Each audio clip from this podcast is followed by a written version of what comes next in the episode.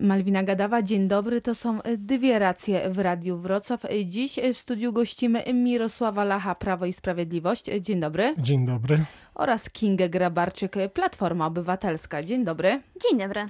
Tydzień temu Trybunał Sprawiedliwości Unii Europejskiej orzekł, że to Sąd Najwyższy ma zbadać niezależność m.in. Izby Dyscyplinarnej i ustalić, czy może ona decydować w sporach na temat przechodzenia sędziów y, Sądu Najwyższego y, w stan y, spoczynku. W odpowiedzi na to sędziowie z czterech miast, w tym także z Wrocławia, przyjęli uchwały, w których poinformowali o tym, że na razie nie będą opiniować awansów sędziowskich, dopóki nie zapadnie właśnie decyzja Sądu Najwyższego. Co to oznacza? Czy to oznacza, że po pierwsze nie będziemy mieli sędziów, a po drugie będziemy mieli chaos prawny? Nie, nie, to nie oznacza wcale, że będziemy mieli jakiś tam chaos prawny. No, no, no wręcz przeciwnie. Myślę, że wcześniej czy później dojdzie do uporządkowania tych, tych, tych y, wszystkich y, y, spraw, o których mówimy.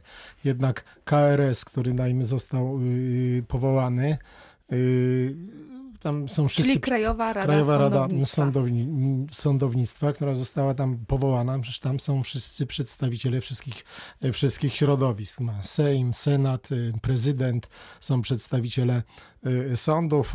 KRS składa się z 25 członków. No i TSUE, czyli Trybunał Sprawiedliwości Unii y, Europejskiej na wątpliwości, które jednak y, były, czy ten, ten organ jest y, powołany no, zgodnie z obowiązującym prawem, czy nie ingerowali w powołaniu, zakładamy tego organu, jakby władza ustawodawcza i, i, i, i wykonawcza, Y, no, że mamy to rozstrzygnąć, zakładamy tutaj u siebie, że on tam nie będzie rozstrzygał tych wątpliwości prawnych. I Sąd Najwyższy, mam nadzieję, niebawem się y, wypowie na ten temat, no i sprawa zostanie Czyli jest moim pan zdaniem spokojny o działalność KRS-u?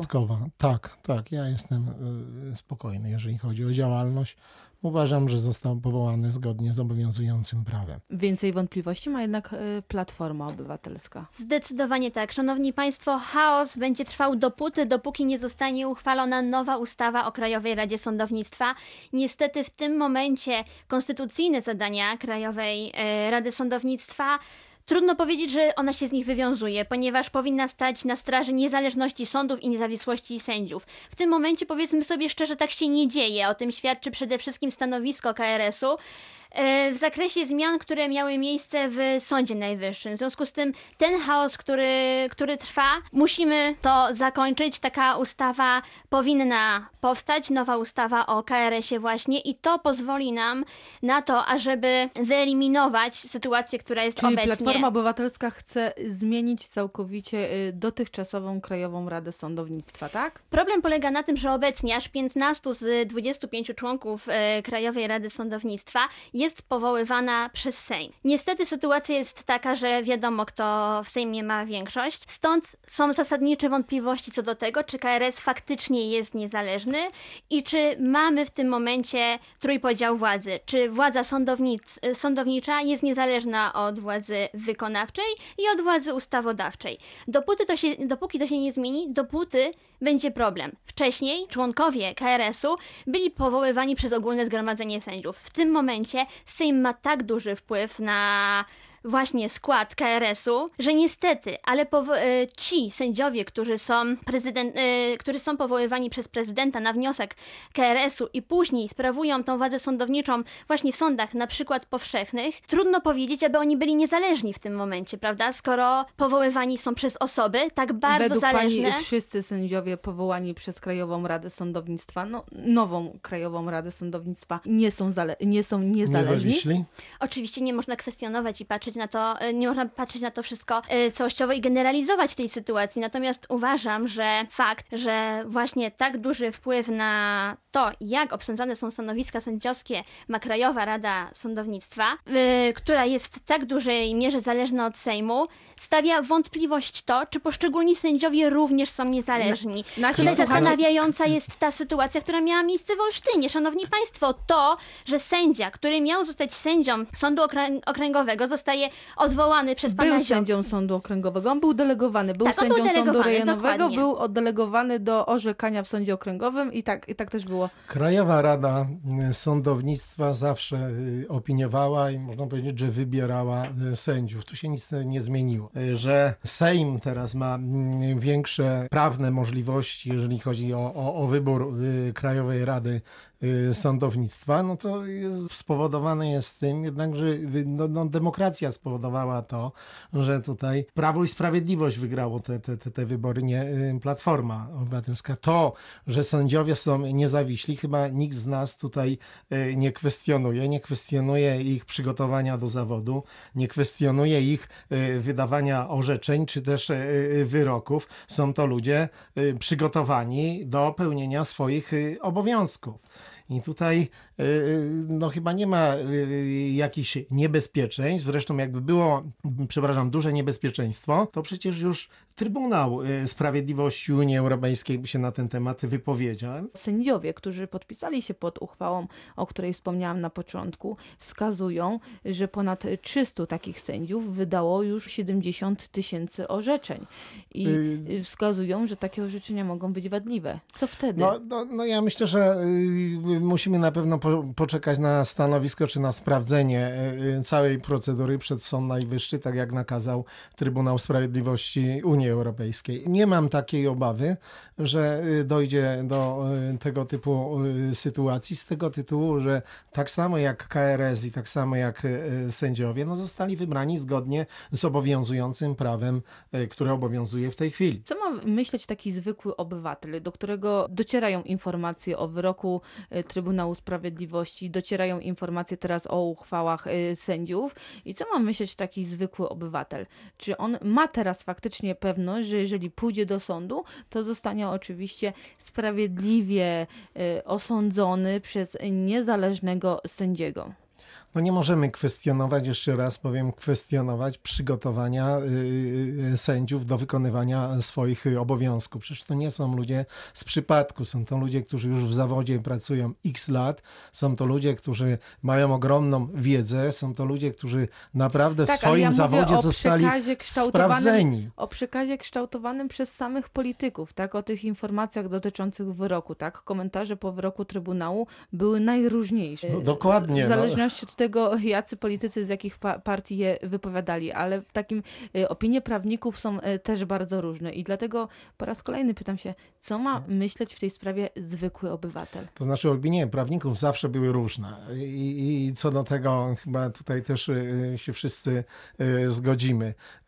Ważne w tym wszystkim jest to, żeby została zachowana, a moim zdaniem została zachowana, dajmy ścieżka wyboru KRS-u zgodnie z obowiązującym prawem i następnie sędziów, którzy w tej chwili orzekają. A zwykłego obywatela, y, to jak mówię, no interesuje raczej to, że jeżeli znajdzie się w sądzie, żeby sąd szybko rozpatrzy y, jego spra- sprawę i sprawiedliwie. Ja myślę, że tutaj musimy przede wszystkim zastanowić się nad interpretacją wyroku Trybunału Sprawiedliwości Unii Europejskiej, ponieważ fakt, że to kompetencja ostatecznej decyzji została przekazana sądowi najwyższemu, to jest jedna rzecz. Natomiast musimy zastanowić się nad tym, jak brzmiały podnoszone przez Sąd Najwyższy w, pre- w pytaniu pre- prejudycjalnym e, argumenty, z tego względu, że sąd odsyłający, w tym przypadku właśnie Sąd Najwyższy, podniósł niejednokrotnie okoliczności, w jakich na przykład miałaby zostać e, powoła, w jakich miały, mieliby zostać powołani Ale sędziowie. odpowiedź na to pytanie już znamy. Poznaliśmy je w wyroku Trybunału Sprawiedliwości. Tak, tylko musimy sobie jasno powiedzieć, że Trybunał Sprawiedliwości powiedział, że w zasadzie można interpretować, że on zgadza się z tymi wszystkimi zarzutami, które zostały przedstawione przez Sąd Najwyższy i teraz A w którym miejscu ten trybunał tak, tak, tak się wypowiada, że się zgadza? zostało podniesione przez właśnie Sąd Najwyższy, że są wątpliwości co do niezależności KRS-u, co do tego, w jaki sposób mają być powoływani sędziowie Izby Dyscyplinarnej Sądu Najwyższego. To ma I teraz zbadać Sąd Najwyższy. Przepraszam bardzo. Tak, tak się wypowiedział Trybunał Trybunał Sprawiedliwości, że proszę bardzo, proszę to sprawdzić. Proszę to zbadać. Natomiast Trybunał nie powiedział, że tak nie jest. A też nie powiedział, że tak jest. Natomiast fakt, że zostało to oddane w tym momencie try, yy, Sądowi Najwyższemu przez Trybunał Sprawiedliwości, to jest właśnie powiedzenie przez Trybunał Sprawiedliwości Sądowi Najwyższemu i całemu sądownictwu w Polsce sprawdzam. Sprawdzam, czy faktycznie Sąd Najwyższy w Polsce jest niezależny. Z tego względu, że cały czas tutaj narracja Prawa i Sprawiedliwości wskazuje, że Unia Europejska nie powinna się angażować w Uważa sprawy pani, Polski. że taka decyzja Trybunału Sprawiedliwości świadczy o tym, że Trybunał chce sprawdzić, czy Sąd Najwyższy jest niezależny? Te argumenty, które zostały podniesione przez Sąd Najwyższy, pokazują, jakie ma zdanie teraz. Jeżeli później, kiedy Sąd Najwyższy zbada kwestię związaną i z KRS-em, i z Izbą Dyscyplinarną i opowie się w zupełnie innym kierunku, aniżeli było to wcześniej przedstawione, to to da wiele do myślenia, tak? To- To właśnie będzie zakwestionowaniem tego, czy faktycznie jest niezależny, czy utrzyma się przy tej decyzji, którą miał wcześniej, czy zostanie zmanipulowany Według przez... pani... To, i- wy, powy- to, to, to zacznijmy jakby od Ale kto miałby naszego. zmanipulować Sąd Najwyższy? to, w jakim kierunku pójdzie, zobaczymy. I wtedy, jeżeli faktycznie zmieni się zupełnie, diametralnie linia sądu, linia twierdzeń Sądu Najwyższego, to zrodzi pewne wątpliwości. Ja nie mówię, kto zmanipuluje, ponieważ to jest w tym momencie wróżeniem z fusów, Try- tak? Trybunał Natomiast Sprawiedliwości wręcz przeciwnie, y, y, zwrócił się do sądu, czy nakazał y, y, sprawdzenie, żeby Sąd Najwyższy y, sprawdził całą dajmy, procedurę, czy gdzieś w którym momencie został nadszarpnięta jakby ni- niezawisłość tych, tych sędziów, którzy, którzy orzekają,